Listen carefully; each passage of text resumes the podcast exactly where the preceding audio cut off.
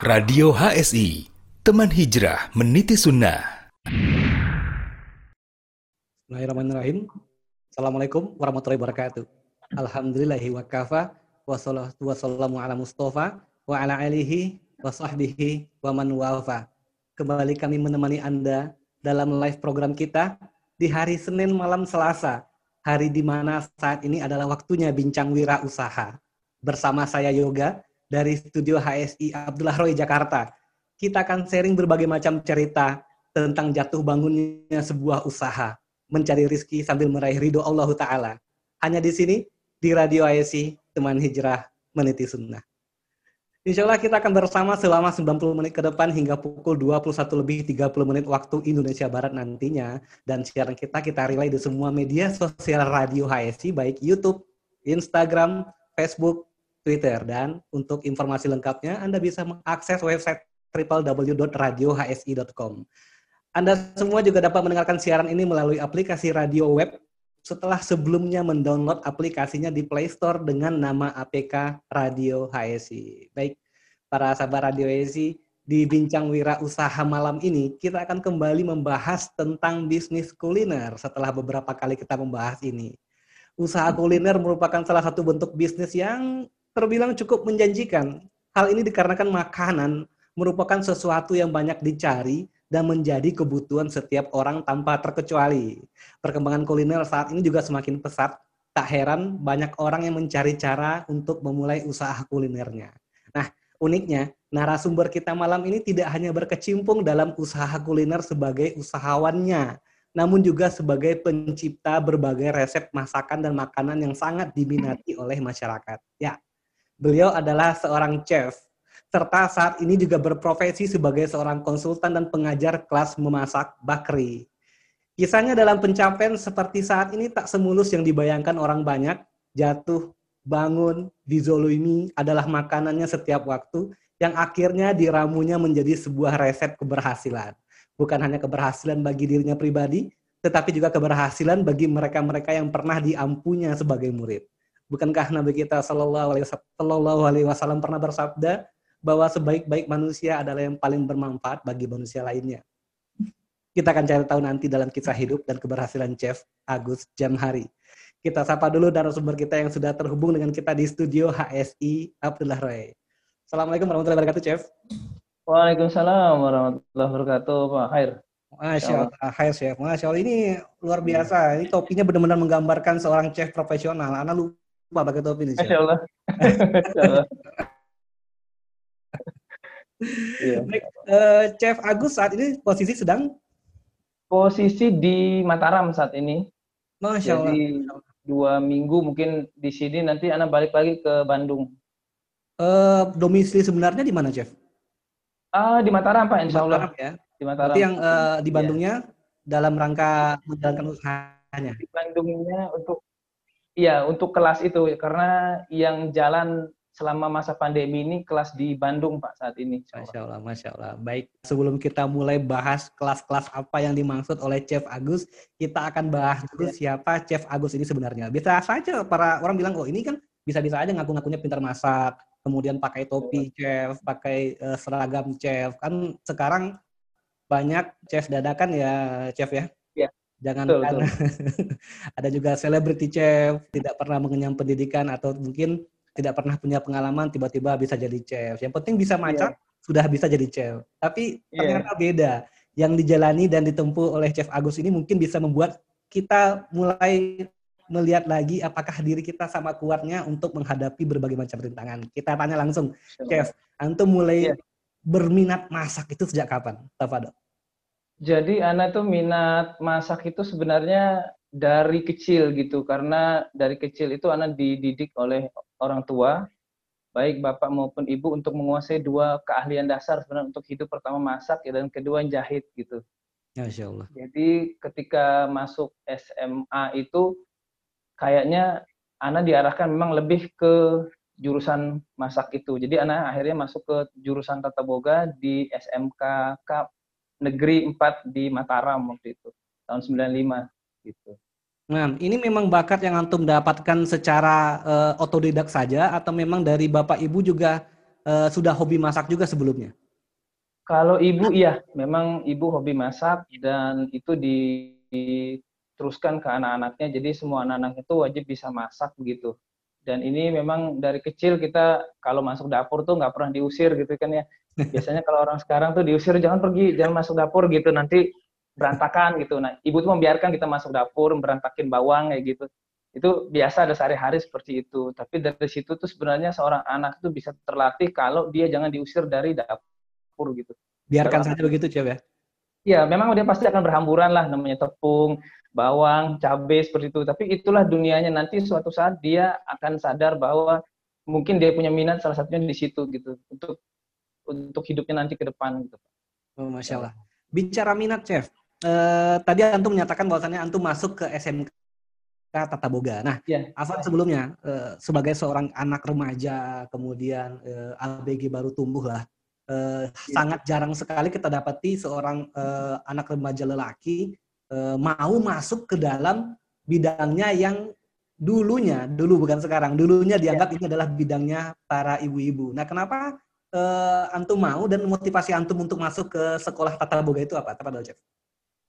Ya, jadi yang membuat anak pengen minat tuh karena anak nggak punya pilihan lain, Pak. Jadi insya Allah karena waktu itu nilai matematika juga tidak mendukung kalau masuk ke sekolah umum. Jadi satu-satunya yang bisa membuat anak bisa bertahan itu di sekolah yang tidak banyak berhitung gitu. Jadi banyak menghafal dan anak alhamdulillah kuat di ilmu menghafal waktu itu.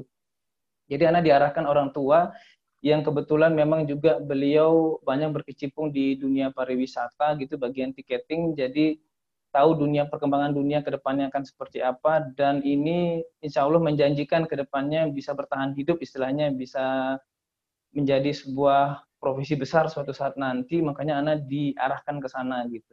Masya Allah. Dan kalau bicara tidak punya pilihan lain langsung menjadi sebuah profesi yang diminati berarti memang sebelumnya nggak ada minat sama sekali berarti Chef ya? Hanya sekedar diizinkan oleh orang tua untuk masuk ke dapur, kemudian ya karena nggak ada pilihan lain masuk ke sini, tapi tiba-tiba di sana sudah langsung mengetahui ini jalannya.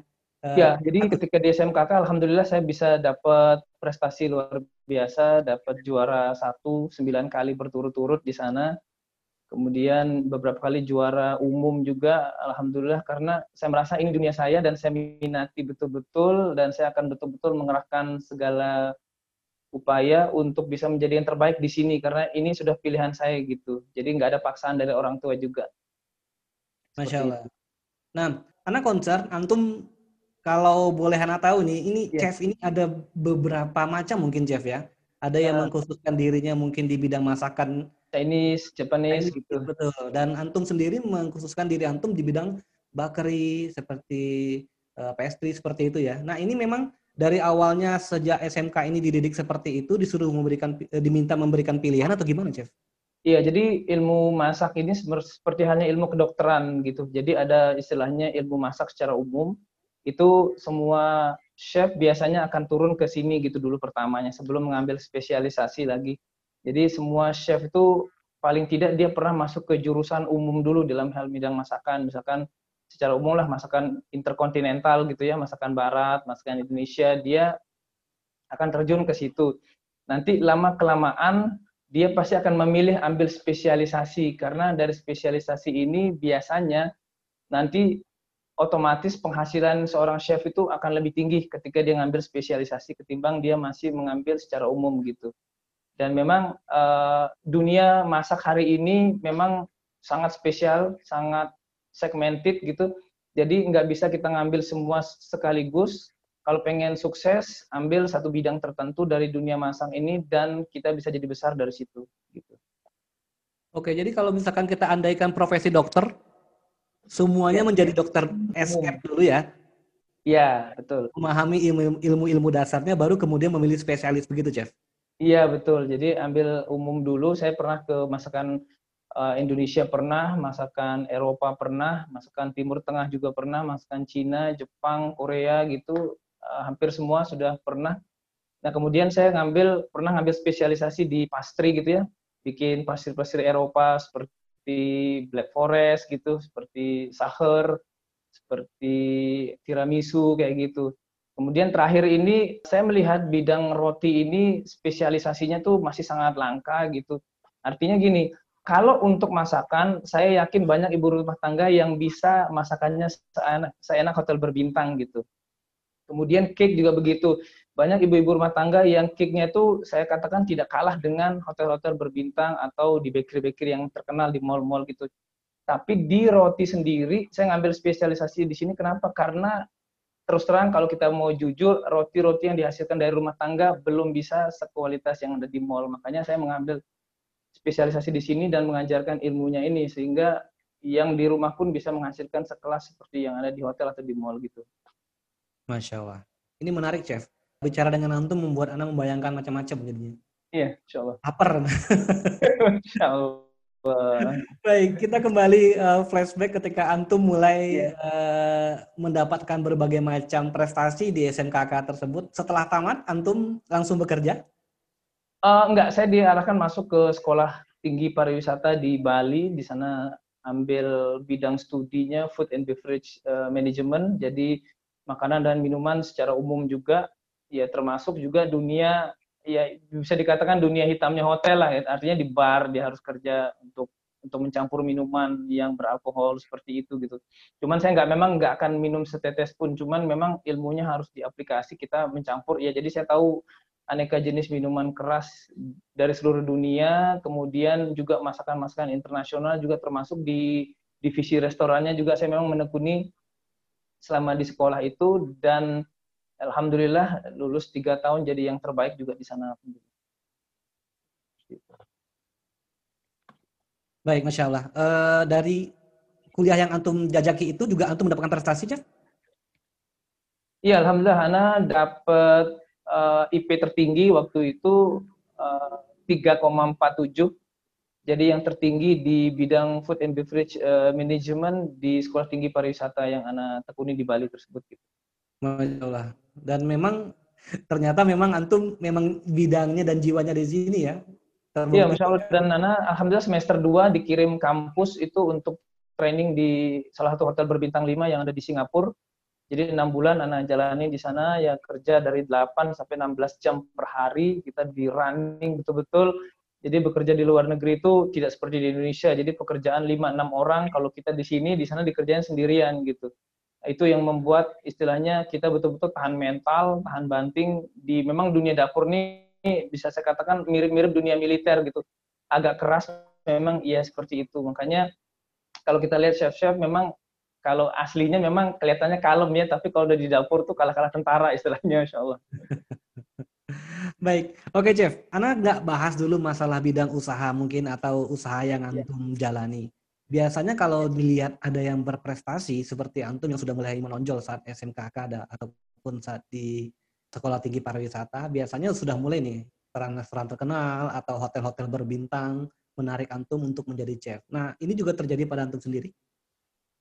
Uh, iya, jadi waktu itu sempat saya mau ditarik di salah satu hotel berbintang yang ada di Bali.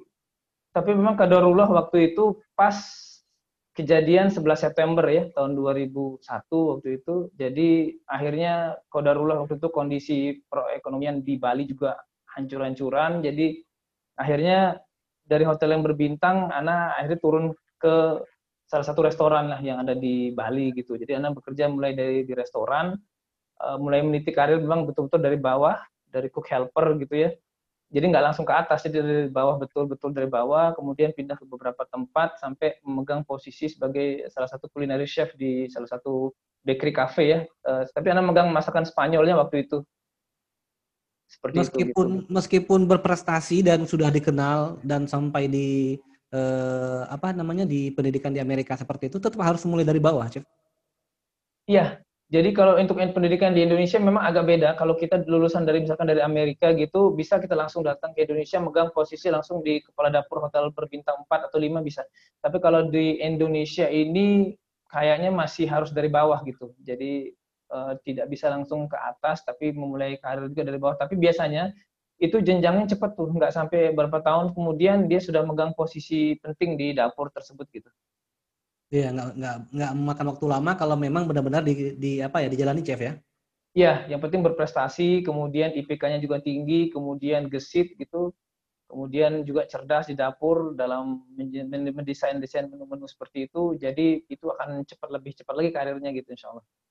Baik, Masya Allah. Kemudian Antum tadi mengatakan Antum sudah menjadi seorang kuliner chef, spesialisasi masakan Spanyol ya? Iya.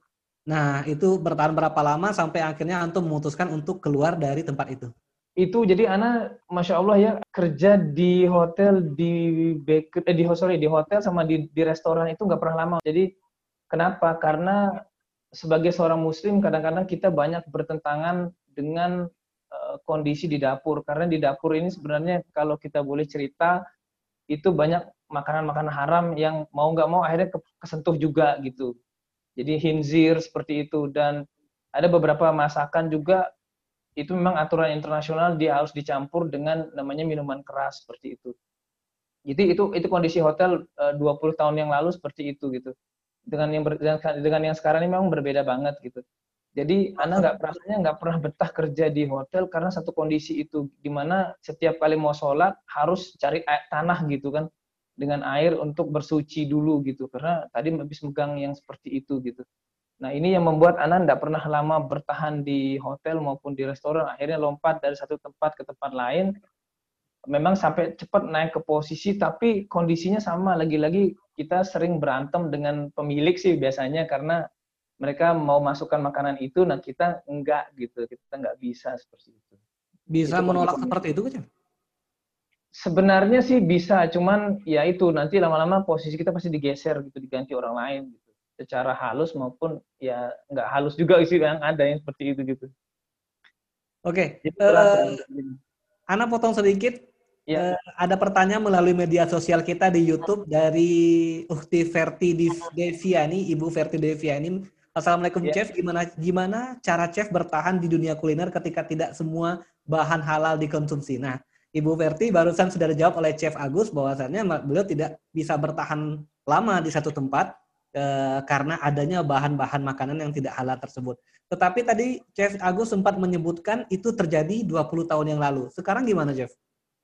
Kalau sekarang nih insya Allah kita bisa milih gitu, artinya kan ada hotel-hotel syariah yang memang chef-chefnya juga luar biasa, taat beragama, mereka mati-matian untuk tidak memasukkan bahan haram itu. Jadi seperti itu di chain-chain internasional sekarang banyak hotel-hotel eh, maupun restoran yang mereka memang mendaftarkan izin halal gitu ke majelis ulama karena konsumen mereka banyak muslim dan mereka biasanya minta restoran ini punya sertifikat halal enggak gitu. Karena sertifikat halal di zaman sekarang ini betul-betul krusial jadi mau nggak mau hotel maupun restoran tuh mereka harus menyiapkan itu gitu. Dan itu pastinya untuk kita yang muslim itu lebih gampang dapat kerja di sana dan untuk yang yang makan di situ insya Allah lebih terjamin kehalalannya. Tetapi mungkin konsep seperti itu di negara kita belum begitu familiar, chef ya? Iya, memang belum belum terlalu familiar kecuali beberapa daerah yang memang mungkin agak ketat perda syariahnya seperti itu itu bisa gitu. Tapi memang nggak semua sih saya akui memang agak sulit sekarang ini untuk bertahan kalau pengen kerja yang benar istilahnya di bidang makanan gitu. Masih ada aja yang seperti itu. Masya Allah. Kalau boleh Ana singgung nih Chef, ini Afwan sebelumnya. Antum mulai mengenal sunnah kapan? Ana mengenal sunnah tuh di Semarang tahun 2006. Eh, sekitar bulan September gitu. Masya Allah masih sampai ingat bulannya ya? Iya masih insya Allah. Nah, kemudian kita tahu pandangan masyarakat yang salah. Sekali lagi kita garis bawahi yang salah mengatakan ya, ya orang berjenggot itu eh, kesannya identik dengan jorok dan mereka tidak paham dengan apa-apa yang diperintahkan oleh Nabiullah Shallallahu Alaihi Wasallam bahwasanya jenggot itu harus dibiarkan. Nah, ketika antum mulai mengenal sunnah dan membiarkan jenggot dengan profesi antum sebagai peracik makanan itu sendiri ada tantangan nggak, Chef? Ini kok perjenggot apa nggak jatuh ntar ini ada sebagai macam perkataan-perkataan lainnya mungkin, Tawadal? Kalau perkataan seperti itu ya tetap ada sih ya.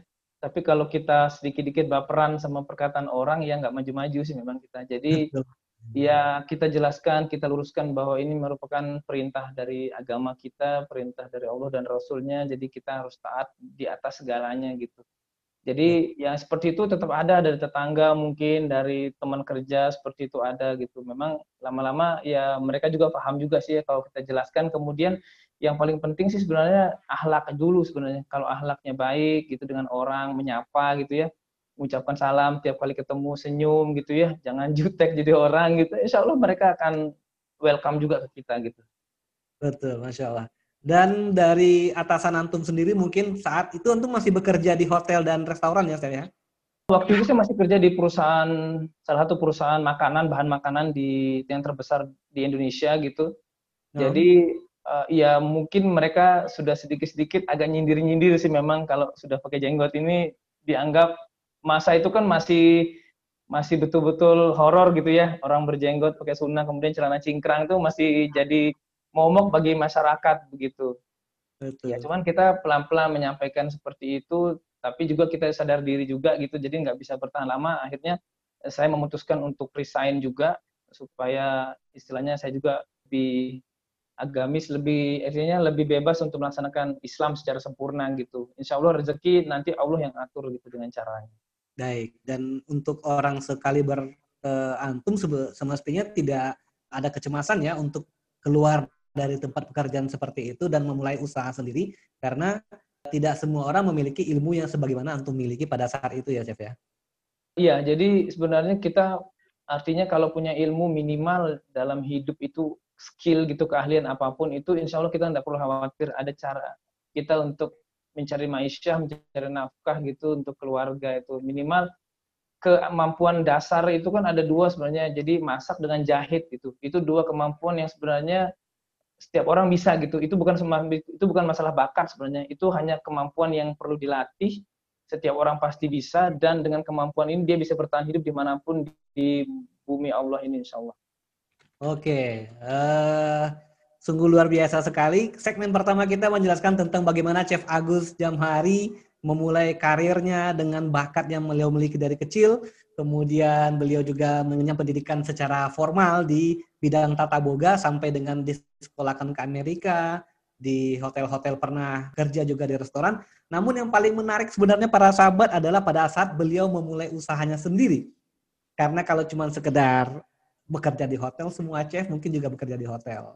Tetapi ada yang unik ketika beliau memulai usahanya sendiri dan jatuh bangunnya beliau sehingga beliau sampai dengan posisi keberhasilan pada saat ini. Kapan itu? Setelah jeda iklan berikut ini akan kita bahas pendaftaran narasumber radio HSI. Alhamdulillah, seiring dengan berjalannya beberapa program di radio HSI, kami mengajak kepada para ikhwah untuk berkesempatan menjadi narasumber di radio HSI. Antum memiliki cerita menarik, pengalaman unik, kisah inspiratif, sharing kesehatan atau tibun nabawi, sampai tips dan trik lainnya. Profesi, pengusaha atau pedagang, teknik, IT, sipil, kedokteran, perawat atau bidan, ustadz, petani, guru, pegawai, freelance, dan lainnya. Nah, silahkan disalurkan melalui radio HSI. Eits, pastikan juga sumber cerita harus sahih dan tidak fiktif ya. Berikut adalah program Bincang Radio, Bincang Wirausaha, Bincang Kesehatan, Bincang Motivasi Hijrah, dan lain-lain. Yuk ikut bergabung dan ramaikan. Insya Allah, kebaikan sekecil apa pun yang kita berikan dapat menjadi jalan kebaikan yang besar bagi orang lain. Kita tunggu sharingnya ya. Jazakumullahu khairan. Barakallahu fikum. Radio HSI, teman hijrah meniti sunnah. Radio HSI, bersama melawan COVID-19. Sahabat Radio HSI, musim pandemi masih berlangsung di negara kita. Tingkatkan iman dan takwa kita Semoga Allah Subhanahu wa Ta'ala mengangkat musibah ini. Mari bersama kita secara disiplin terapkan adaptasi kebiasaan baru sebagai wujud kontribusi kita di dalam memutus rantai penularannya. Berikut kebiasaan baru yang harus kita terapkan. Satu, pakai masker. Dua, sering cuci tangan dengan sabun dan air mengalir. Tiga, jaga jarak 1-2 meter. Empat, perbanyak asupan gizi dan vitamin untuk tubuh kita. Lima, hindari bepergian tanpa keperluan yang penting atau mendesak. Sahabat Radio HSI, mari bersama-sama kita hentikan penularan COVID-19. Radio HSI, teman hijrah meniti sunnah. Bismillahirrahmanirrahim. Majlis Sama Mukhtasar Sahih Muslim dan pengambilan sanad Kutubus Sittah. Acara ini dibuka untuk umum dan diwajibkan bagi mahasiswa-mahasiswi Prodi Ilmu Hadis Angkatan 2017 dan terhitung dalam kuota peserta. Pemateri, Ustadz Dr. Abdullah Roy Grafika Penataran MA, dosen Sekolah Tinggi Dirasat Islamiyah Imam Syafi'i Jember. Kitab, Mukhtasar Sohih Muslim karya Imam Al-Munziri Rahimahullah. Tempat, Zoom Webinar Meeting. Waktu acara, tanggal 26 Jumadil Awal sampai 3 Jumadil Akhir 1442 Hijriah. 10 Januari sampai 16 Januari 2021 Masehi. Dengan biaya sebesar Rp100.000. PDF Kitab Sanat, Sertifikat, Ijazah Kutub Hadis. Waktu pendaftaran, tanggal 30 Rabiul Akhir sampai 21 Jumadil Awal 1442 Hijriah. 15 Desember 2020 sampai 5 Januari 2021 Masehi. Info lebih lanjut, buka web stdiis.ac.id atau abdullahroy.com. Radio IC Teman Hijrah Meniti Sunnah masih bersama saya Yoga dan Chef Agus Jamhari. Kita masih punya satu jam ke depan dan suaranya ibu-ibu mana ini? Biasanya ibu-ibu pengen tahu rahasia masak memasak dari chef yang mumpuni di bidangnya. Ini pada saat malam ini sudah ada orangnya jangan disia-siakan. Mari kita sambung perbincangan kita dengan Chef Agus Jamari. Baik Chef, kita mulai dengan antum pada saat keluar dari tempat pekerjaan antum dan memulai usaha sendiri. Yang pertama kali antum terpikir dan laksanakan itu usaha apa, Chef? Jadi Ana mulai itu dari usaha donat waktu itu. Jadi karena Ana nggak punya ilmu waktu itu tentang ilmu marketingnya, jadi Ana jualan di pinggiran Masjid Raya Kota Bandung waktu itu. Jadi tiap hari anak nongkrong memang di sana dari pagi sampai sore, jadi jualan donat dari situ.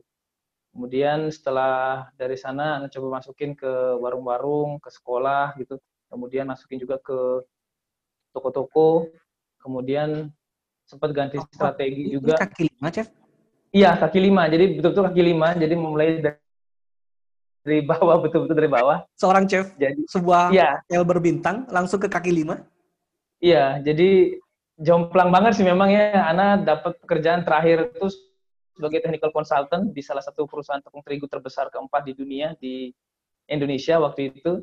Jadi dapat fasilitas ya yang terakhir nih ya, yang terakhir jadi dapat fasilitas rumah sama isinya gitu, rumah dinas sama isinya, motor dibeliin gitu. Fasilitas terbang setiap tahun beberapa kali gitu untuk ikut pelatihan-pelatihan seperti di luar negeri gitu.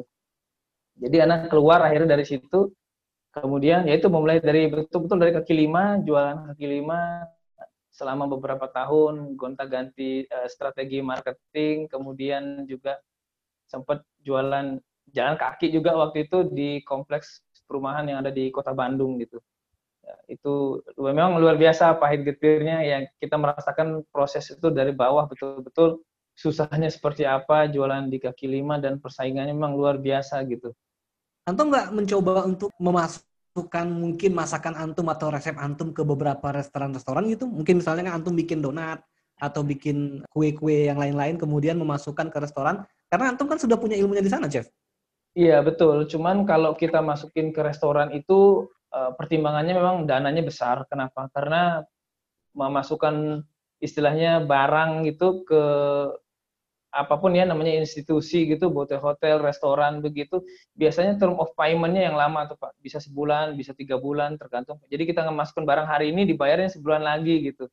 Nah setiap oh, perputarannya lama ya? Iya perputarannya lama kan gitu. Nah itu butuh modalnya besar banget gitu, dan makanya anak nggak menempuh sistem itu gitu. Masya Jadi anak lebih baik dari kaki lima setiap hari dapat uang seberapa ya itulah yang dinikmati gitu.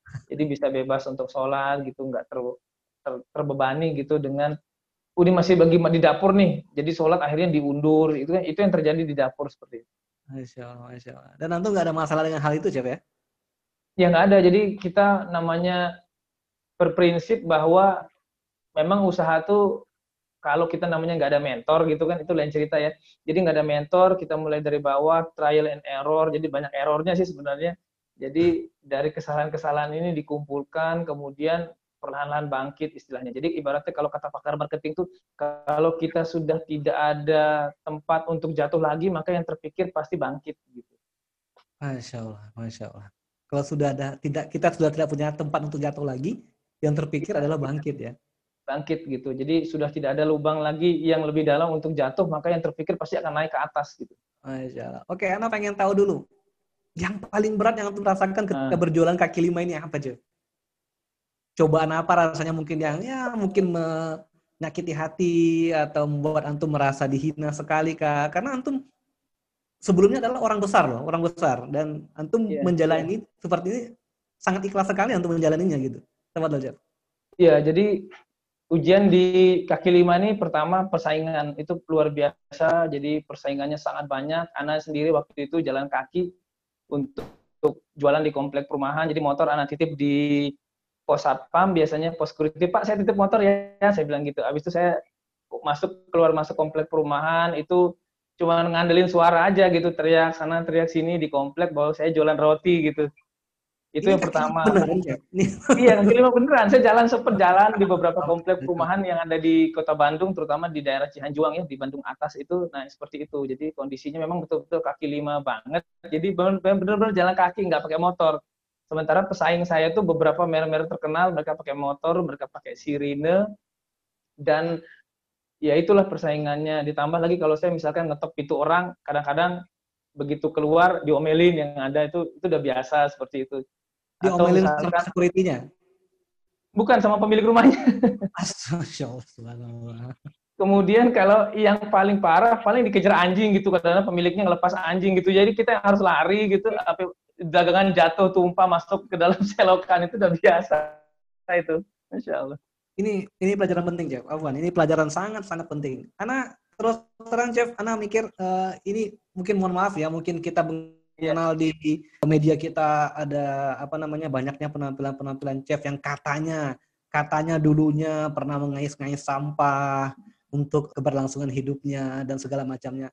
Sepertinya sebuah drama banget gitu. Sampai Anda menyaksikan orang hidup antum sendiri, pelakunya sendiri mengatakan bahwa antum mengalami hal yang berat seperti ini juga gitu. Masya Allah. Yeah. Jadi memang benar-benar pelajaran menarik dan pelajaran sangat penting bagi para sahabat radio di rumah benar-benar usaha itu kalau misalkan memang nggak akan mulai dari bawah ya nggak akan berhasil sampai ke atas, Jeff ya. Iya, jadi kalau kita ibaratnya sekarang gini, kalau kita nggak punya mentor, jadi seperti itu kita harus trial error sendiri dari bawah sampai menemukan jalan yang terbaik gitu untuk bisa sampai di level ini. Kecuali kalau seperti sekarang ini kan banyak mentor gitu, mentor-mentor yang teruji, jadi mereka yang sudah istilahnya membuat sistem jadi di mana kalau kita mengikuti sistem itu kita sangat minim untuk gagal. Jadi tinggal mendapatkan hasil bersihnya aja bahwa uh, di sini jalan keberhasilan, di sini jalan keberhasilan, di sini jangan masuk sini. Ini ini hancur semua kita. Jadi mereka mentor-mentor ini memberikan istilahnya memberikan jalan tol untuk kita sukses lebih cepat gitu. Jadi kalau kita ikut sistem ke mereka ini, kita tidak akan melewati pahit yang seperti mereka alami gitu. Jadi kita dapatnya lebih manisnya aja. Tapi kadang-kadang memang untuk dapat yang seperti ini terus terang ada harga yang lumayan yang harus kita bayar sebagai bentuk istilahnya itu mungkin harga kegagalan yang mereka hadapi dan itu sistem yang memang sudah teruji sekali sehingga kita nggak perlu lagi masuk ke sistem yang salah itu gitu. Misalkan dalam hal berjualan tidak boleh sistem A tidak boleh sistem B kenapa? Itu sudah ada hasil riset lama sehingga kenapa kita tidak disarankan untuk masuk ke situ. Nah anak sendiri nggak punya yang seperti itu dulu jadi apa yang anak alami yang betul-betul real hancur-hancuran rasanya tidak dibeli orang juga pernah. Pas hujan deras juga tidak laku satu biji pun roti juga pernah anak bawa ratusan biji. Iya seperti itu gitu. Kemudian kalau sakit ya nggak bisa jualan gitu. Atau dalam keadaan sakit ada pesanan juga dikerjain juga gitu. Menggigil badan lagi demam juga harus ngantar pesanan. Itu memang betul-betul pernah dialami semua gitu. Masya Allah. Paham mana sekarang kenapa antum memilih profesi yang seperti sekarang ini? Seorang tenaga pengajar dan konsultan untuk tata boga karena antum pengen menjadi mentor atas semua orang agar tidak mengalami nasib sama seperti antum ya Cap ya? Iya betul karena dalam ilmu roti terus terang ilmunya ini kalau saya katakan ini masih sangat terbatas gitu. Jadi kita untuk menghasilkan roti-roti ataupun donat yang berkualitas sekelas yang ada di mall itu ilmunya memang tidak akan kita dapat di YouTube, tidak akan kita dapat di toko buku terkenal sekalipun, dan tidak ada di kursus-kursus roti kebanyakan gitu. Jadi memang ilmunya ilmu sangat rahasia dan apa yang saya bagi biasanya di kelas itu merupakan hasil riset panjang selama belasan tahun dari hasil istilahnya membedah gitu bakery-bakery terkenal itu untuk saya dapatkan resepnya gitu. Itu yang yang terjadi saat ini dan saya mentoring mereka yang di kelas ini supaya mereka tidak mengalami kegagalan dan bisa langsung istilahnya kalau pesawat itu bisa langsung take off gitu di runway cepat take off-nya gitu nggak perlu muter-muter lagi gitu. Siap. Jadi bukan cuma modal pinter masak aja untuk menjadi seberhasil ini, Chef ya? Iya, nggak bisa. Jadi kita perlu sistem yang tangguh gitu kalau mau berbisnis ini kita harus ngerti tentang mereknya, kemudian eh, target pasarnya ke mana, kemudian berapa harga jual, siapa sasaran market kita gitu, SDM-nya bagaimana cara mengelolanya, kemudian menjaga kerahasiaan resep itu seperti apa gitu.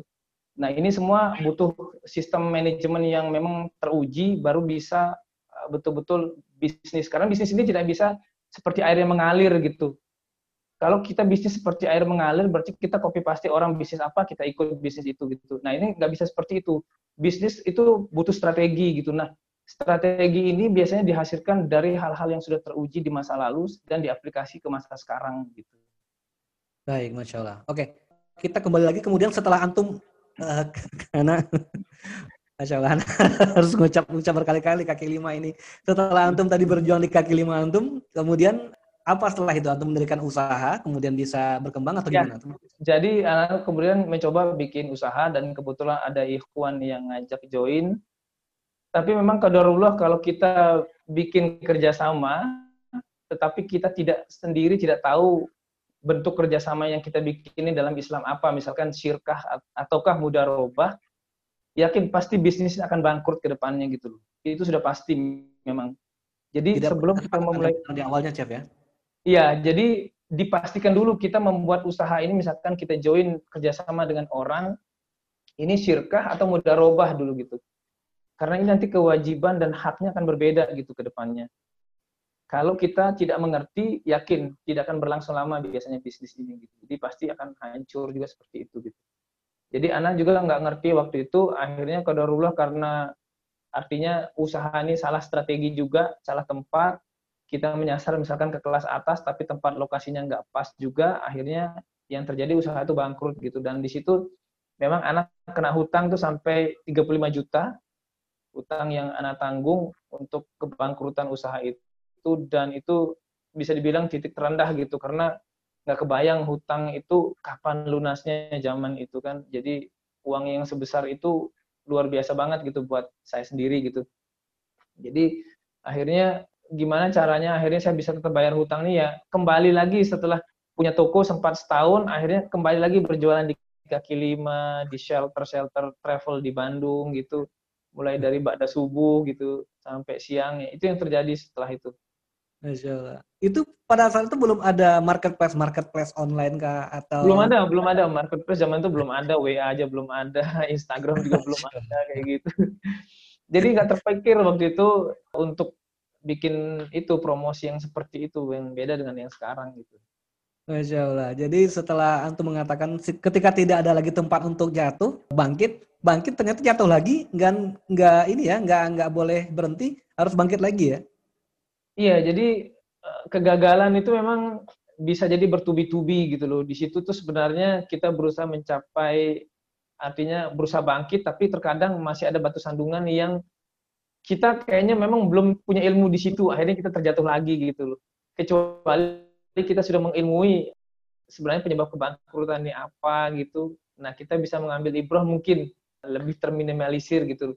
Tapi memang betul-betul zaman itu tidak ada satupun yang bisa saya jadikan mentor gitu untuk bertanya sekedar berdiskusi. Akhirnya ya terjadilah gitu akhirnya kegagalan demi kegagalan. Jadi itu pun usaha di kaki lima pun tidak selamat juga dari serangan yang namanya sihir juga ada seperti yang ngalamin berpuluh kali gitu.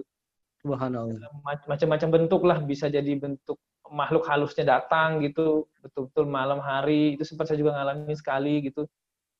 Kemudian keluarga ya. juga kena seperti itu, usaha kena itu sampai hafal betul saya mana produk yang kena karena sihir dengan yang mana untuk produk itu karena memang bahan bakunya kurang bagus itu bisa betul-betul saya tahu gitu.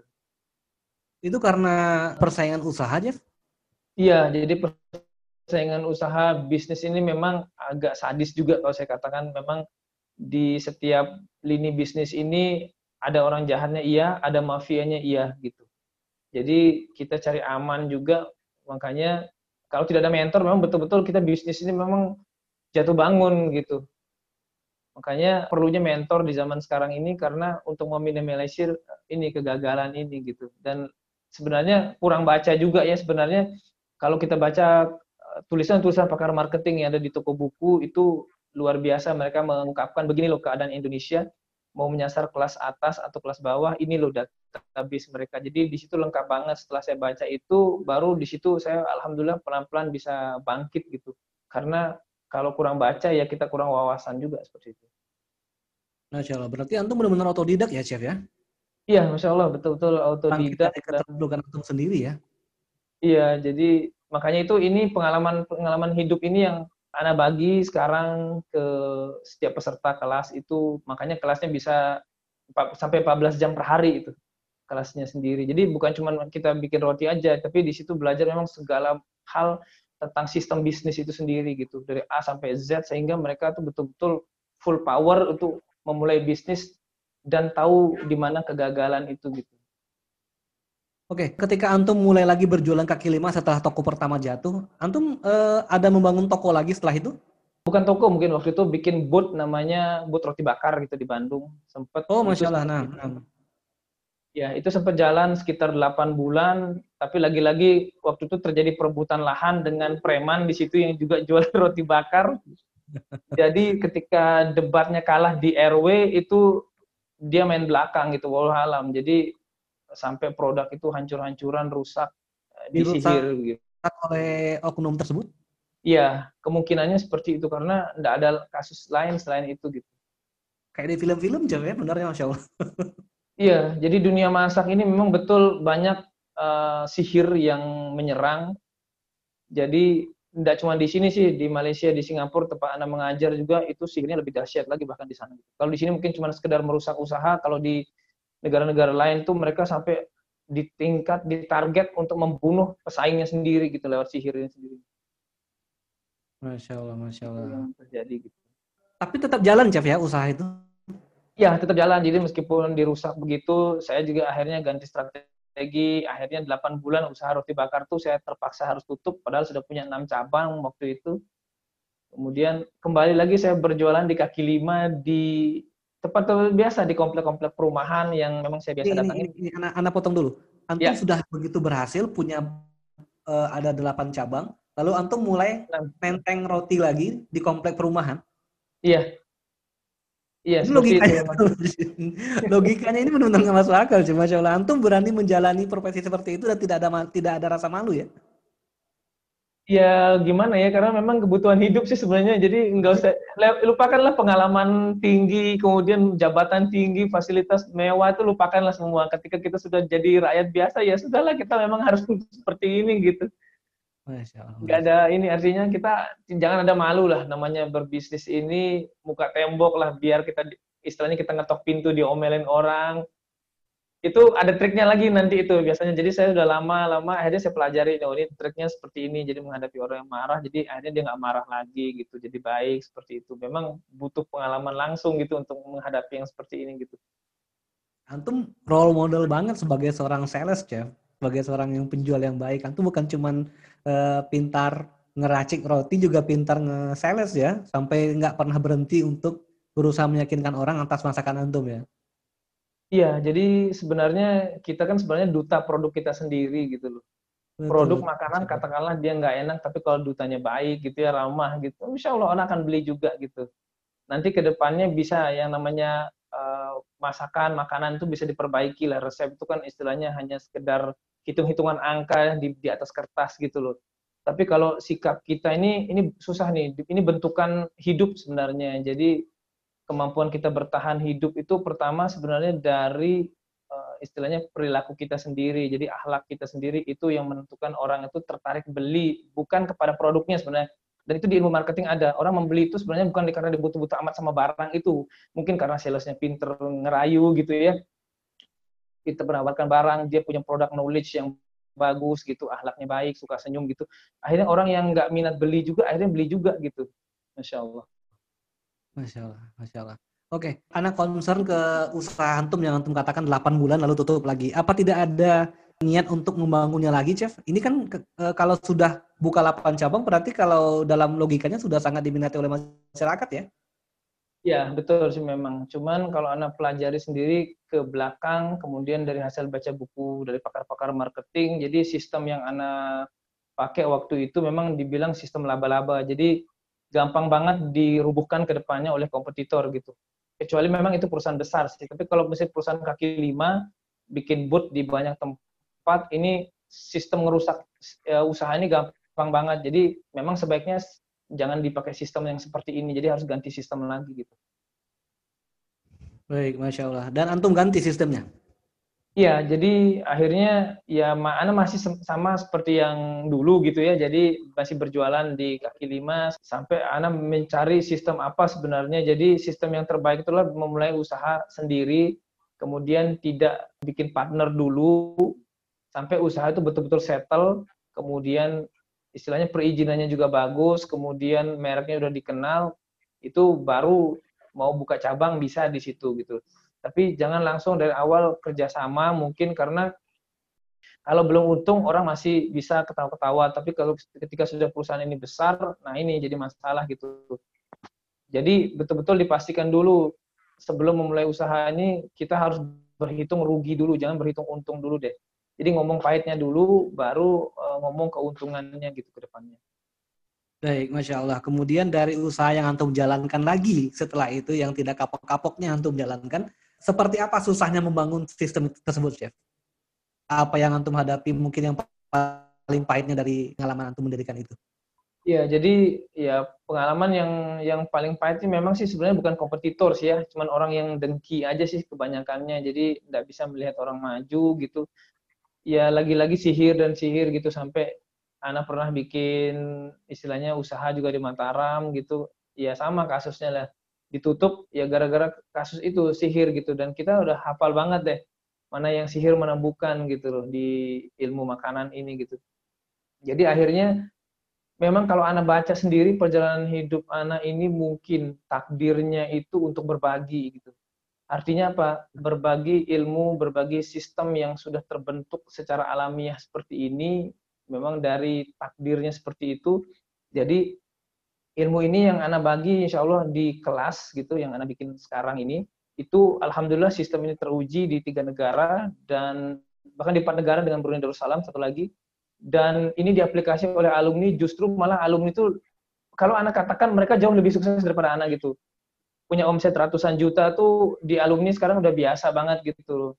Jadi mereka nggak akan ngalamin apa yang alami dulu gitu. Rupa-rupanya mungkin takdirnya itu Ana bukan belum sukses di bidang bikin usaha sendiri berupa katakanlah bangunannya ada gitu ya. Tapi Ana justru malah dari situ Allah berikan Ana langkah jauh lebih tinggi lagi. Ana alhamdulillah bisa ngajar ke berbagai negara tuh Malaysia, Singapura, termasuk alumninya ada dari Brunei Darussalam tuh selama hampir lebih kurang eh, 15 tahun gitu.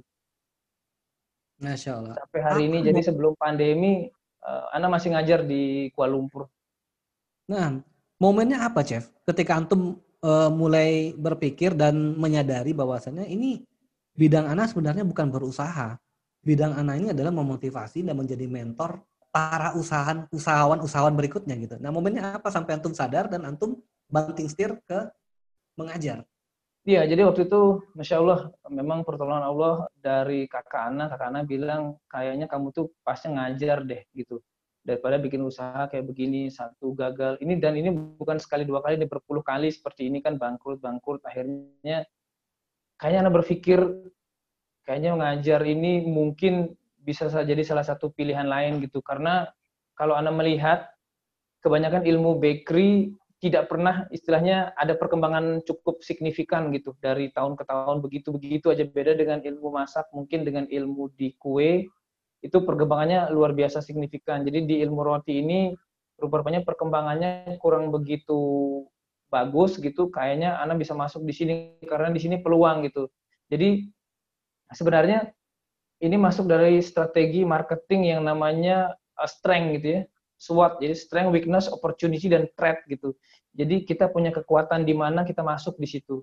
Dan kita baca kelemahan lawan, weakness-nya mereka, kita masuk di situ.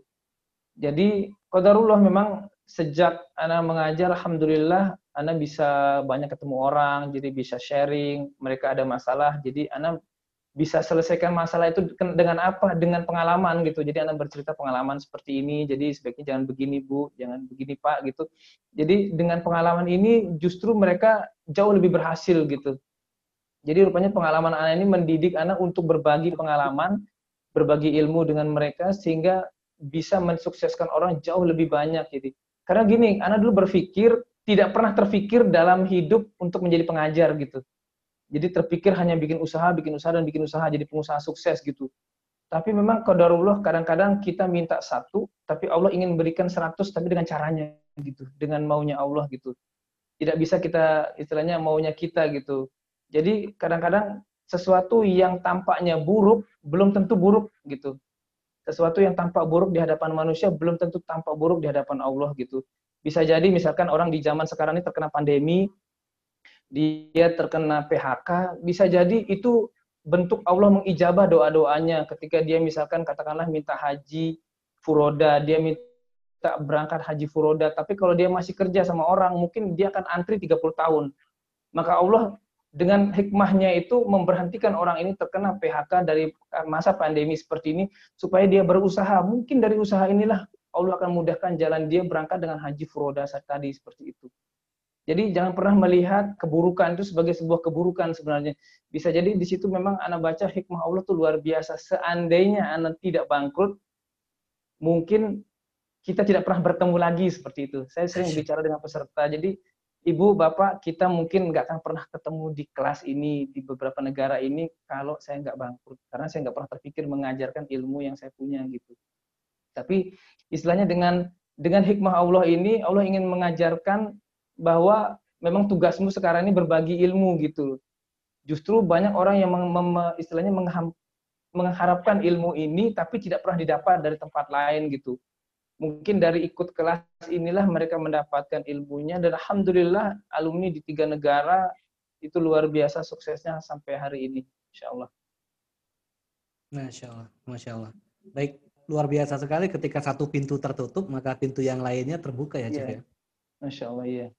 Masya seperti itu. Allah. Jadi jangan jangan pernah beranggapan uh, rezeki kita nggak ada. Insya Allah tetap selama kita tetap keluar dari rumah mencari nafkah, rezeki itu Allah pasti akan berikan gitu.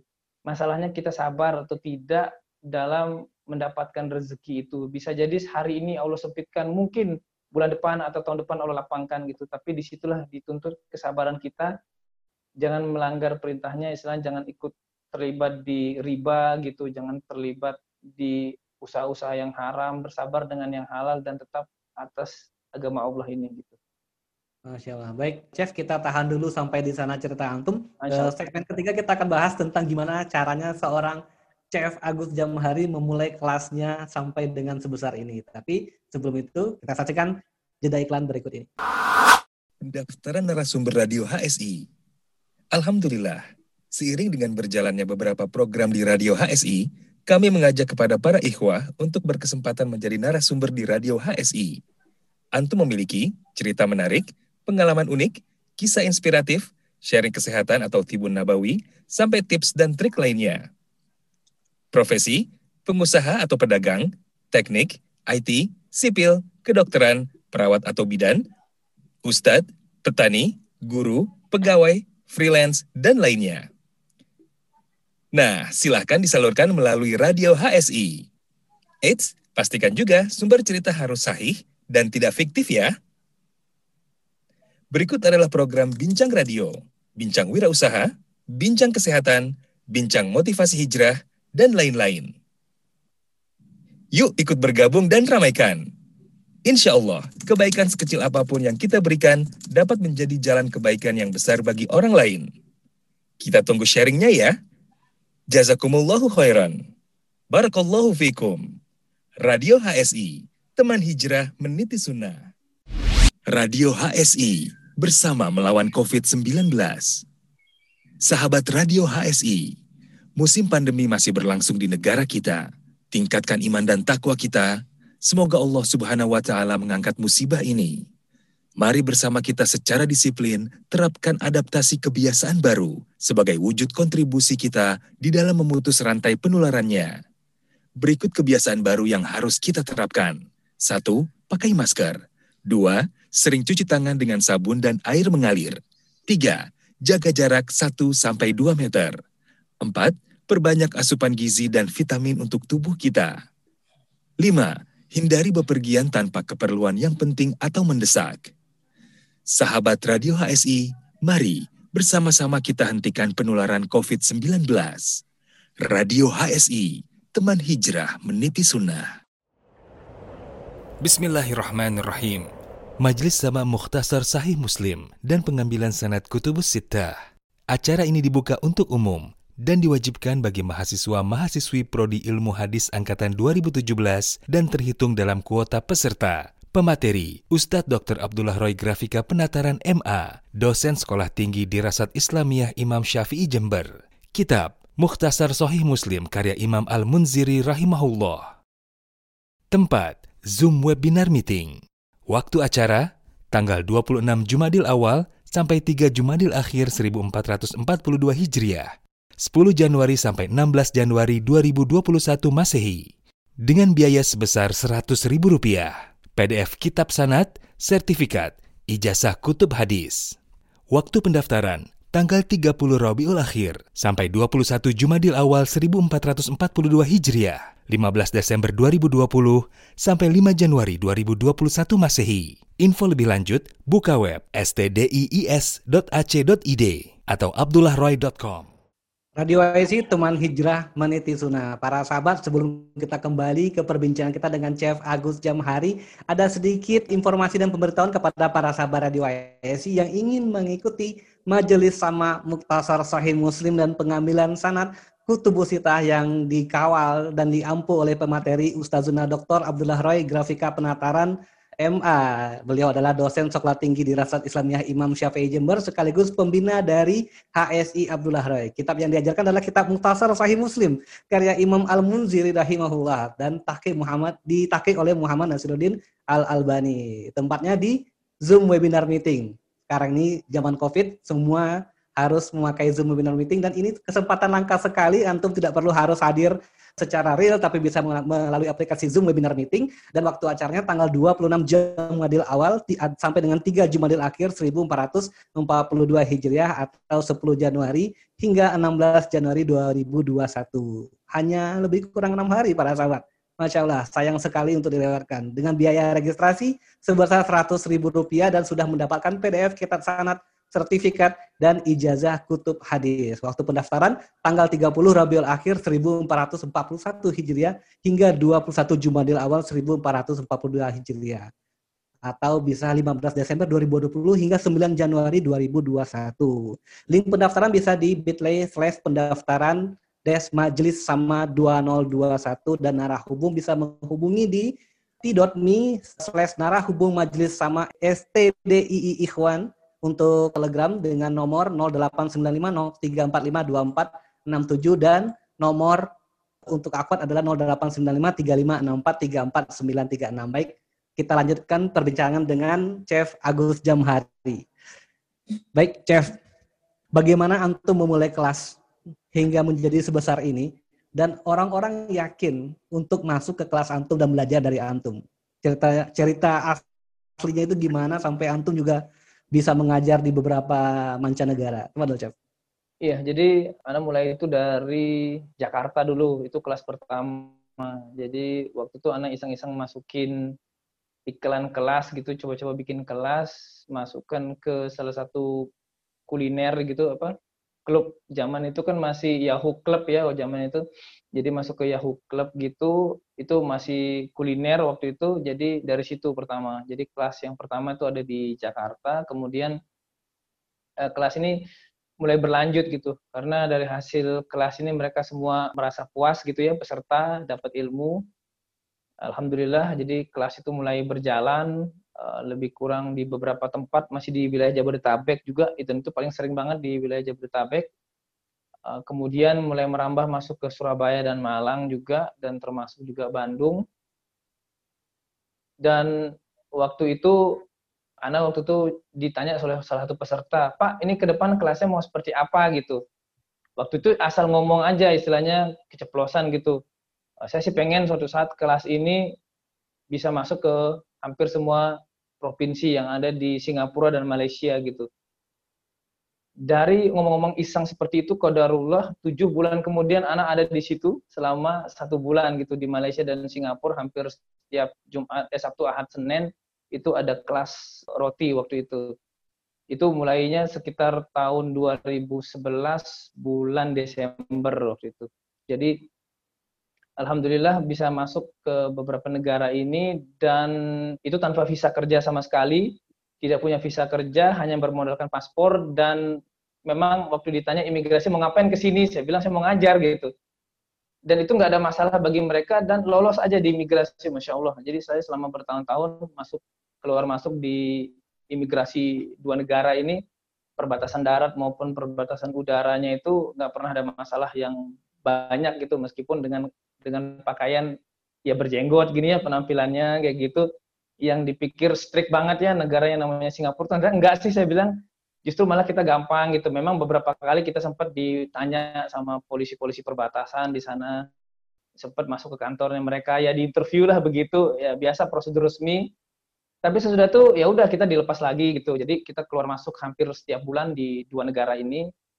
Dan alhamdulillah jadi sudah sekitar 11 eh 9 tahun. Jadi sekarang ini sekitar 9 hampir 10 tahun itu masih tetap dipercaya di sana. Dan terakhir saya itu dipercaya dari Kementerian uh, Pendidikan Malaysia untuk uh, sempat mengajar lebih kurang dua hari di salah satu universitas atau semacam lembaga kursus untuk bidang tata boga ini tapi terutama di bidang rotinya gitu. Itu di Johor gitu Masya Allah. Ada yang merekomendasikan nggak, Chef? Kalau misalkan tadi Antum berkata Antum mengiklankan melalui Yahoo Group mungkin ya. Kalau zaman dulu belum yeah. ada ad Google, Google Ad belum ada, yeah. WhatsApp belum ada. Nah, ada yang merekomendasikan nggak? Oh ini belajar dengan Chef ini bagus loh. Anda pernah bekerja bersama dia atau gimana? Uh, waktu itu nggak ada sama sekali. Jadi saya betul-betul pure dari Indonesia masuk ke sana gitu. Sebenarnya saya ceritanya bisa masuk ke Malaysia Singapura ini itu waktu itu ada salah zaman itu masih mungkin awal-awal ya awal-awal untuk Facebook itu baru naik daun gitu tahun-tahun 2010 akhir sampai esok ya 10 akhir sampai ke 11 akhir itu lebih kurang setahun itu saya di add ke salah satu apa ya Facebook grup gitu ya FB grup gitu ke salah satu grup Malaysia tapi tentang uh, rumah tangga lah misalkan uh, perabotan rumah tangga dan semacamnya. Nah, di situ saya iseng-iseng promosi tentang iklan kelas gitu. Jadi akhirnya ada salah nah, satu orang Malaysia, uh, mereka dia bilang, Pak, saya mau belajar dong ke Bandung waktu itu, karena saya masih tinggal di Bandung. Saya punya toko roti di Malaysia, pengen belajar nambah ilmu lagi. Saya bilang, ah nggak usah ke Bandung, Bu, saya aja yang ke Malaysia gitu. Beliaunya setuju dan saya uh, akhirnya berangkat dari situ. Jadi setelah itu kemudian saya coba promosi lagi, dapat lagi jadwal yang kedua. Jadi jadwal pertama itu di Negeri Sembilan namanya, Bandar Enstek. Kemudian jadwal kedua itu saya dapat di Batu Pahat di Johor. Kemudian saya promosi lagi, jadwal ketiga saya dapat di Tampines di Singapura. Promosi lagi yang terakhir itu minggu yang keempat saya dapat di Penang Malaysia waktu itu, Jadi sebulan saya di sana. Itu pertama Ini kalinya. Ini seperti saya... menjadi seorang pembicara ya, Chef? Jadi antum diundang, ditanggung akomodasinya, dan antum mengajarkan ilmu antum ke mereka. Iya betul. Jadi uh, full. Jadi kita uh, luar biasa dapat sambutan di negara Malaysia karena uh, ilmu kuliner di sana tuh berbeda dengan di sini. Jadi agak kurang di sana. Jadi mereka welcome banget untuk uh, jadi pengajar dari internasional dari luar negara luar, terutama Indonesia karena Indonesia di mancanegara ini dikenal dengan kulinernya salah satu yang terbanyak di dunia gitu ragamnya coraknya menunya itu makanya mereka luar biasa banget gitu kalau ada pengajar bisa datang ke sana dan mengajarkan ilmu itu ke mereka gitu Masya Allah. Oke, Ana sampai kepada Antum membuka kelas online sampai dengan saat ini, Chef ya. Dan murid Antum, Masya Allah, sangat luar biasa banyak. Nah, kalau Ana boleh intip Instagram Antum nih, Chef, Afwan. Uh -huh. Ada salah satu postingan antum yang sangat menarik. yang mengatakan seperti ini lebih kurang. Anda bacakan. Banyak yang bertanya, chef bikin usaha di bidang bakery enggak? Kayaknya cuma ngajar aja ya. Kalaupun saya bikin usaha, saya keep silent aja di mana dan apa mereknya. Oke, kita keep kita karena chefnya keep silent, kita juga keep silent. Enggak apa-apa, orang umum tahu saya cuma pengajar kelas roti Jepang lintas negara dan jualan di beberapa toko online di uh, salah satu marketplace. Nah, uh, kalau mau lihat atau merasakan roti, donat, atau pizza, alumni udah banyak yang buat. Tersebar di empat negara Asia Tenggara. Saya super untuk Anda membeli roti, donat, dan pizza dari alumni saja. Ini menarik. Jadi, uh, chef betul-betul memberikan seluruh ilmunya kemudian juga mengajarkan marketing dan mengajak orang untuk membeli kepada mereka. Iya betul. Nah ini ini apanya apa konsepnya seperti apa Chef? Kalau gitu yang kalau ini kan kalau menabrak semua prinsip ekonomi Chef ya. Kalau iya, prinsip betul. ekonomi berarti kan uh, seakan-akan antum ngambil antum ngambil untung dong. Oh harus beli bahan ke antum kah atau harus apa namanya bahan bakunya dari antum. Tapi antum nggak pernah menjual seperti itu nggak ada. Jadi di kelas itu betul-betul pure saya kasih link ke mereka. Misalkan saya merekomendasikan suatu bahan. Kenapa saya rekomendasikan? Saya mengatakan saya bukan di endorse oleh bahan mana pun. Dari dan sampai saat ini saya tidak ada di endorse oleh perusahaan mana pun, merek mana pun gitu nggak ada. Jadi betul-betul pure saya ajar di kelas itu bahan-bahan terbaik di bidang roti itu memang betul-betul hasil riset panjang uh, selama belasan tahun di tiga negara. Jadi mana merek-merek terbaik untuk membuat roti enak sekelas di mall gitu yang katakanlah sebiji rotinya itu bisa sampai 20 ribu, 25 ribu, donatnya mungkin sekarang ini ada donat di Indonesia ini harganya sampai 38.500 tuh ada.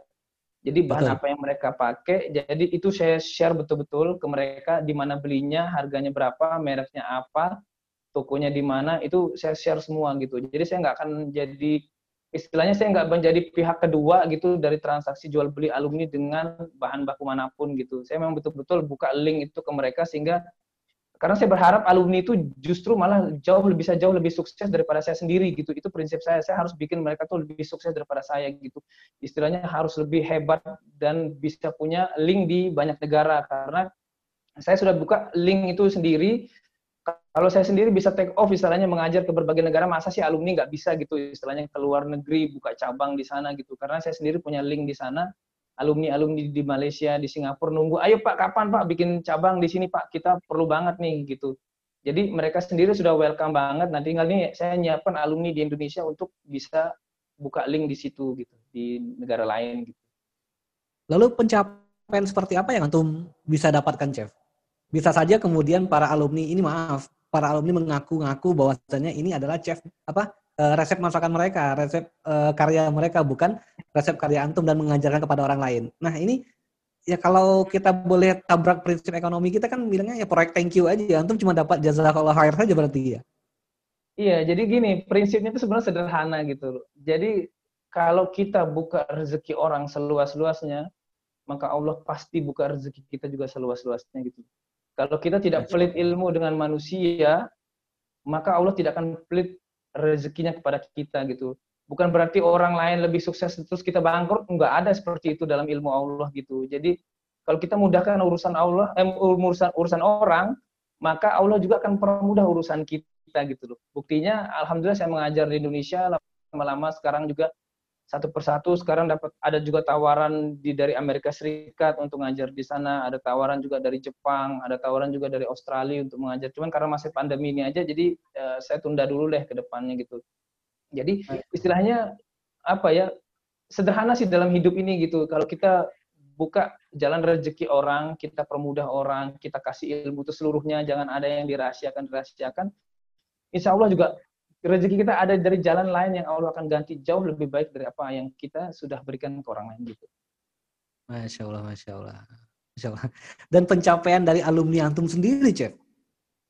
Iya, jadi alumni Alhamdulillah di Indonesia sekarang yang yang saya monitor ya, yang saya monitor dan yang banyak istilahnya diskusi, kemudian mereka juga welcome, open. Cuman saya nggak akan sebut uh, siapa apa dia, mereknya apa, itu ada di Indonesia omset per bulan saat ini sudah di atas 300 juta rupiah dari jual roti dan donat aja. Masya Allah. Dan terkenal ya Chef ya? lumayan terkenal, cuman saya nggak sebut mereknya aja gitu. Betul, di betul, Masya Allah, Masya Allah. juga ada di daerah-daerah yang namanya kabupaten seperti itu yang omset dia dia bukan kota besar, dia kabupaten kecil banget, omsetnya bisa 100 juta rupiah per bulan gitu. Padahal baru jualan itu pas pandemi ini sekitar bulan Juli gitu. Sampai hari ini omset dia sudah di atas 100 juta rupiah. Padahal dia sebelumnya adalah zero, nol sama sekali, tidak pernah kenal ilmu masak, tidak pernah masuk dapur sama sekali. Tapi gara-gara dirumahkan pada saat pandemi ini, akhirnya uh, waktu itu nonton YouTube dan tertarik bergabung di kelas dan alhamdulillah sekarang dibilang Pak saya alhamdulillah Pak bisa ya alhamdulillah saya bilang itu rezeki Anda dan saya senang banget gitu loh kalau alumni berhasil saya justru senang gitu mereka Masya sukses saya senang kalau mereka gagal saya justru yang sedih gitu Masya Allah Nam. Seberapa besar dan tinggi kedekatan antum dengan para alumni, Chef? Iya, saya membangun istilahnya membangun keakraban di kelas itu. Biasanya dua hari waktu kelas ini dari jam 7 pagi itu sampai jam 10 malam. Selama dua hari ini kita berinteraksi, jadi kita sharing betul-betul pengalaman. Jadi di kelas ini bukan cuma sekedar, oke okay, ini ada resep, kita bikin. Oh enggak, seperti itu. Kelas yang saya bikin, saya akan share semua apa yang saya tahu tentang resep, tentang ilmu marketingnya, tentang Eh, brandingnya, mereknya harus daftar ke mana, biayanya berapa, kayak gitu. Kemudian strategi marketing yang kita pakai apa, kemudian target sasarannya ke mana, berapa harga jualnya, kayak gitu.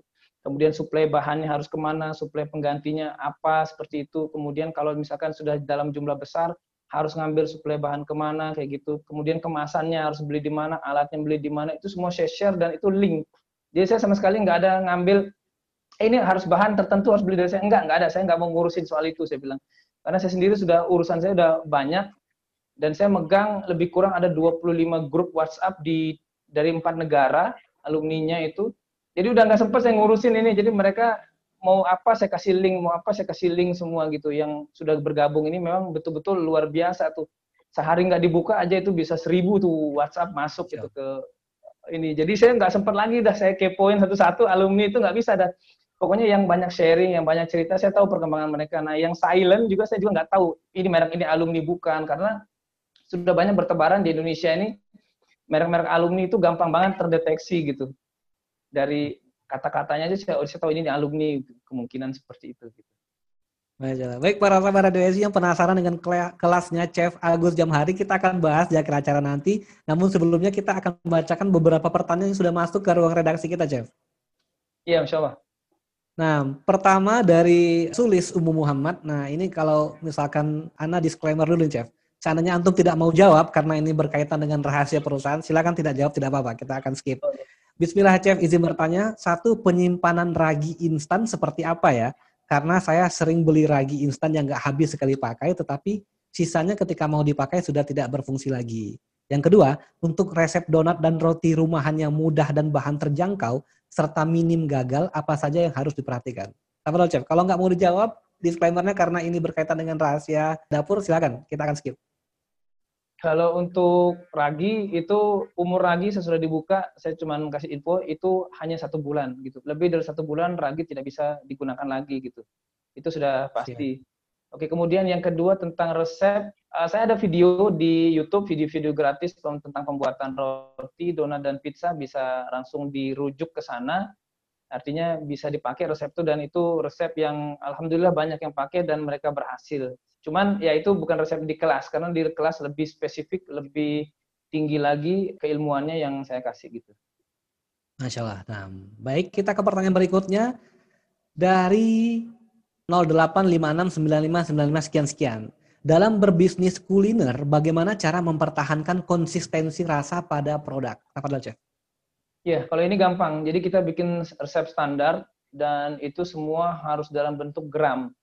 Jadi tidak ada resep kira-kira gitu satu sendok makan satu sendok teh nggak bisa jadi kalau pengen konsistensi tetap sama dari waktu ke waktu semua dalam bentuk gram jadi misalkan dalam membuat masakan dia punya cabai berapa gram dia punya tomat itu berapa gram semua, sampai ke terasinya berapa gram, garam itu berapa gram, itu harus dibentuk seperti itu.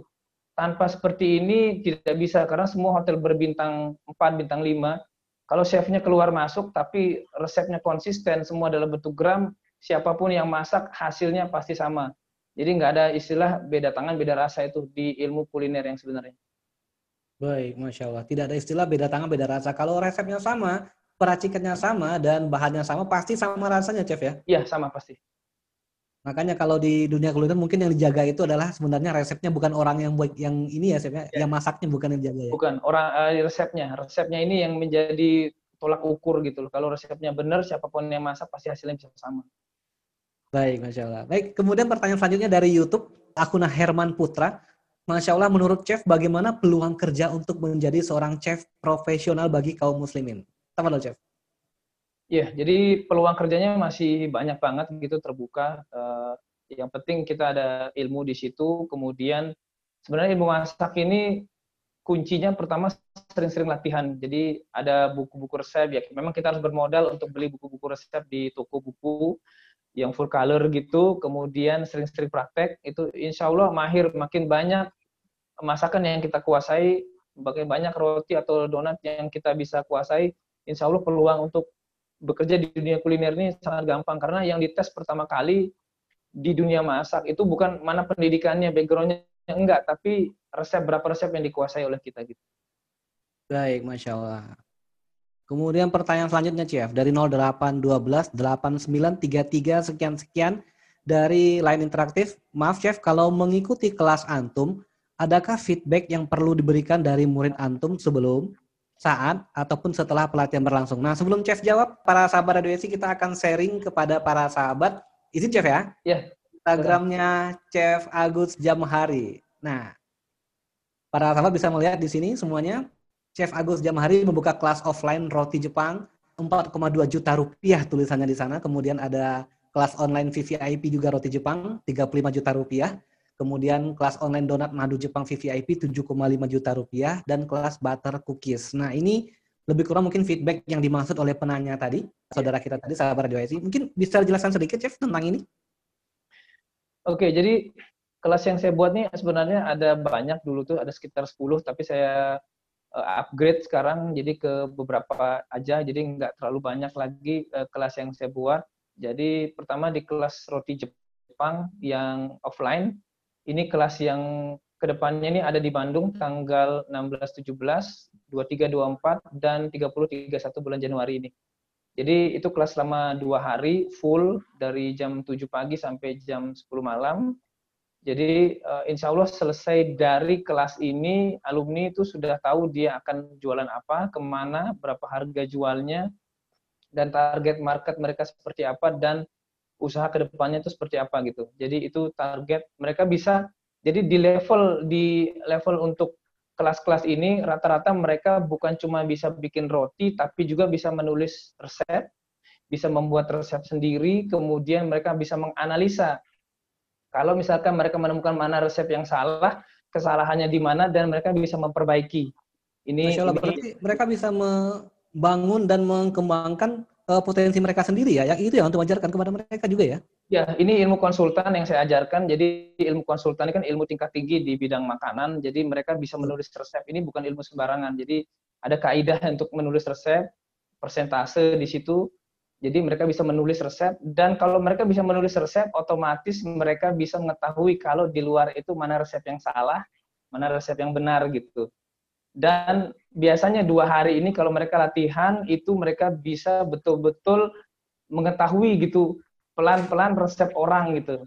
Misalkan saya bilang kalau pengen dapat resep orang jangan minta caranya karena ini kurang etis. Caranya apa? Beli produknya dan bedah di situ dan ilmu bedahnya ini saya kasih di kelas gitu.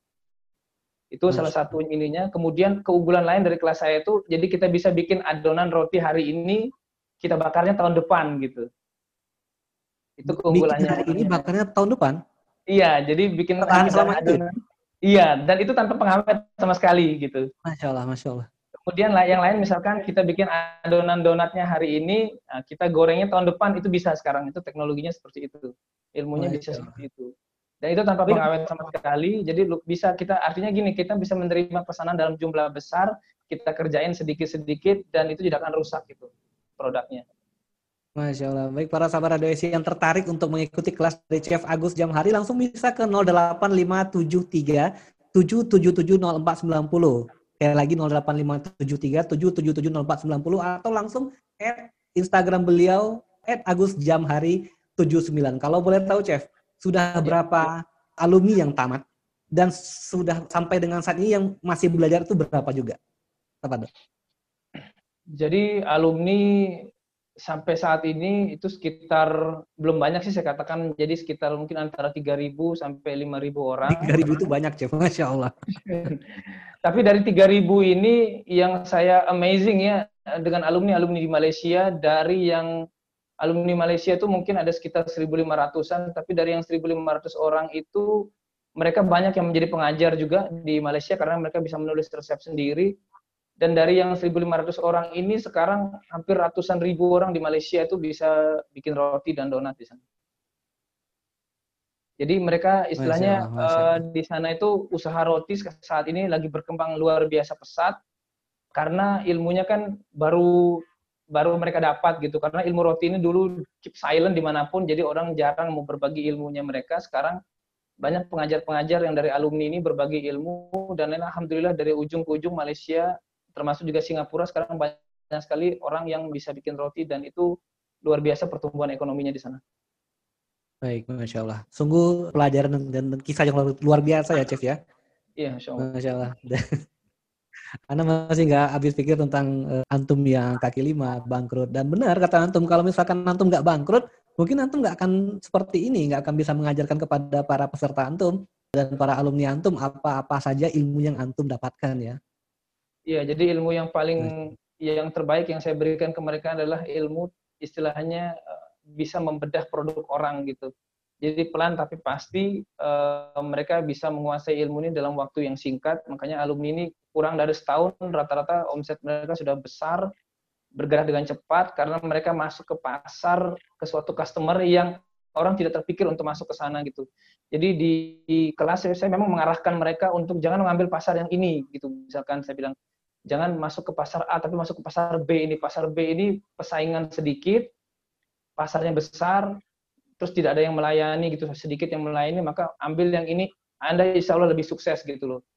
Dan saya bilang siapa alumni yang istilahnya nurut gitu ikut dengan apa yang saya ajarkan di kelas insya Allah bisa berhasil gitu. Karena ini yang saya ajarkan ini bukan ilmu main-main ini ilmu udah teruji gitu. Insya Allah tinggal mereka bisa ketemu dengan rezeki mereka di situ gitu daripada istilahnya ada alumni yang masih tetap kekeh dia misalkan kita suruh ambil ke kanan dia ambil ke kiri akhirnya ya rugi sendiri gitu loh. Ada beberapa yang seperti ini gitu. Jadi istilahnya kita tuh punya dasar ilmu marketing punya dasar ilmu produk ini. Yang ini pakailah ilmu ini saya nggak ada yang sembunyikan sama sekali. Jadi selesai kelas saya bilang ilmu saya sudah saya berikan semua. Kita tidak bisa saling mengakali istilahnya di sini kan. Jadi alumni nggak bisa nipu saya saya nggak bisa nipu alumni gitu karena kita sudah sama-sama tahu kuncinya gitu dan mereka ini luar biasa welcome banget jadi seperti sebuah keluarga gitu karena kita betul-betul all out gitu mengajarkan mereka dan ilmu ini ilmu memang ilmu roti yang tertinggi saat ini bisa membuat uh, produk bertahan sekian lama gitu. Masya Allah. Baik, terakhir Chef. Orang mungkin nggak kenal seorang Chef Agus Jamhari. Dan Antum bergerak di belakang layar, namun menghasilkan ribuan orang yang sukses atas hasil kerja keras Antum memberikan mereka uh, pengajaran. Kalaulah pengajaran yang antum berikan kepada para alumni itu bisa diajarkan juga, mungkin apa pesan dan kesan terakhir antum kepada para sahabat radio WC di rumah, terutama di masa pandemi ini, Chef. Di saat semua usaha mulai jatuh, di saat semua usaha mulai gagal. Nah, apa semangat yang bisa antum berikan kepada para sahabat radio WC di rumah? Apa dulu, Chef? Iya, jadi apa pun yang terjadi sekarang ini merupakan takdir Allah. Jadi kita jangan berputus asa, selalu berbaik sangka gitu tetap tenang, jangan panik ya, jangan gerasa gerusu gitu ya, tetap berpikir jernih, kemudian banyak-banyak berdoa gitu. Karena apa? Kita ketika pandemi ini tidak ada yang bisa kita harapkan kecuali memang pertolongan Allah. Nanti Allah lah akan yang akan istilahnya memberikan pertolongan dari arah yang tidak disangka-sangka gitu loh. Jadi di tengah pandemi tetap tegakkan syariat gitu ya, yang untuk muslim jadi sholat lima waktu di masjid tetap jangan sampai kita melanggar syariat Allah, mengambil jalan-jalan haram. Kemudian perbanyak membaca buku, terutama tentang ilmu marketing. Jadi economic at crisis gitu kan ada buku-bukunya seperti itu. Kemudian kalau bisa uh, ikut kelas-kelas ada yang sekarang yang online online seperti ini ikuti kelasnya yang mentornya sudah teruji yang alumninya sudah istilahnya banyak nah mentor ini perlu supaya apa secara syariat duniawi kita juga ikhtiar tetapi juga kita juga doa tetapi ikhtiar dunia ini juga harus ikut ilmu yang kekinian gitu loh strategi marketing hari ini berbeda dengan strategi marketing 10 tahun yang lalu gitu. Kalau kita tidak ikut strategi marketing yang ada hari ini, kita yang akan tertinggal, kita yang akan istilahnya dapat rezekinya sedikit gitu. Karena apa? Takdir ikhtiar ini kita tidak maksimalkan, maka maksimalkan takdir ikhtiar, banyak-banyak baca buku ya, kemudian ada ikut kelas online eh, semampu kita berapa yang kita bisa pendanaannya ikuti karena kesuksesan itu ada harganya gitu. Maka para pengajar-pengajar itu biasanya mereka sudah pernah jatuh bangun, gagal membangun bisnis, dan sekarang mereka membagikan itu di kelas-kelas mereka yang online maupun yang offline gitu. Jadi, Masya Allah, Tafadol bisa ikut di kelas-kelas online sesuai dengan minat kita masing-masing. Mudah-mudahan dengan ini, insya Allah rezeki kita tidak akan berkurang, karena ada pandemi karena bagaimanapun juga pandemi nggak pandemi tetap kita masih bisa makan artinya kita masih hidup sampai hari ini dan insya Allah kita bisa melewati uh, musibah ini bersama-sama dan mudah-mudahan Allah mengangkat COVID-19 ini dari dunia ini insya Allah. Baik. Masya Allah. Sungguh sangat luar biasa sekali pesan yang disampaikan oleh Chef Agus Jamahari tadi. Baik, Chef Agus Jamahari, kita sudah sampai di akhir acara. Kami dari tim Radio ISI mengucapkan jazakallah khair atas kehadiran Chef Agus. Dan kalau bisa nih, Chef, kalau bisa, kalau kita ntar akan membuat program kuliner, kiranya berkenan Chef kami undang lagi ke studio HSI Abdullah Roy untuk sama-sama sedikit mengajarkan sedikit saja mungkin resep-resep masakan yang akan membuat para sahabat Radio HSI bisa menikmati juga karya-karya dari Chef Agus. Bisa, Chef ya? Allah, insya Allah. Masya Allah, Masya Allah. Syukron, Chef. Sekali lagi terima kasih. Salam untuk keluarga di rumah. Dan sekali lagi eh, kami ucapkan selamat atas eh, kelasnya dan mudah-mudahan semakin berkembang dan tetap jaga kesehatan. Insya Allah. Baik, Masya Allah, Masya Allah. Baik, para sahabat Radio SI di mana pun Anda berada, talk show malam ini adalah cambuk bagi kita semua. Ingat, sebagaimana disampaikan oleh Chef Agus tadi, jika sudah tidak ada lagi tempat untuk jatuh, maka jalan satu-satunya atau pilihan satu-satunya adalah hanya bangkit. Bangkit dan kembali bangkit. Ayo, singkatkan dengan baju, mari berjuang bersama dengan ridho Allah di masa pandemi ini. Baik, sudah 90 menit, tak terasa kebersamaan kita, kami berharap Anda semua menyimpan harapan juga untuk hangatnya perjumpaan selanjutnya dalam live Bincang Radio HSI. Saatnya kami undur diri, kami mohon maaf atas semua kilaf kata tersengaja maupun maupun tidak, dan kami ingatkan untuk selalu stay tune menikmati semua program siar Radio HSI. Tetap dekat, tetap pantau terus website www.radiohsi.com. Kaman live bincang sebelumnya, termasuk malam ini kita simpan untuk Anda dengarkan kembali di podcast dan Spotify Radio HSI. Kritik dan saran dapat Anda layankan ke nomor official Radio HSI di 0822 1992 205. Baik, para sahabat, sampai jumpa kembali dan semoga Allah tetap menguatkan kita berjalan di manhaj yang lurus ini dan menjadikan semua usaha kita berbuah pahala dan ampunannya. Saya Yoga, beserta kerabat kerja yang bertugas malam ini dan bintang tamu kita dari studio IC Abdullah Roy kami pamit undur diri. Kita tutup dengan doa kafaratul majelis subhanakallahumma wa bihamdika asyhadu la ilaha illa anta astaghfiruka wa atubu ilaik. Assalamualaikum warahmatullahi wabarakatuh. Radio HSI teman hijrah meniti sunnah. Radio HSI teman hijrah meniti sunnah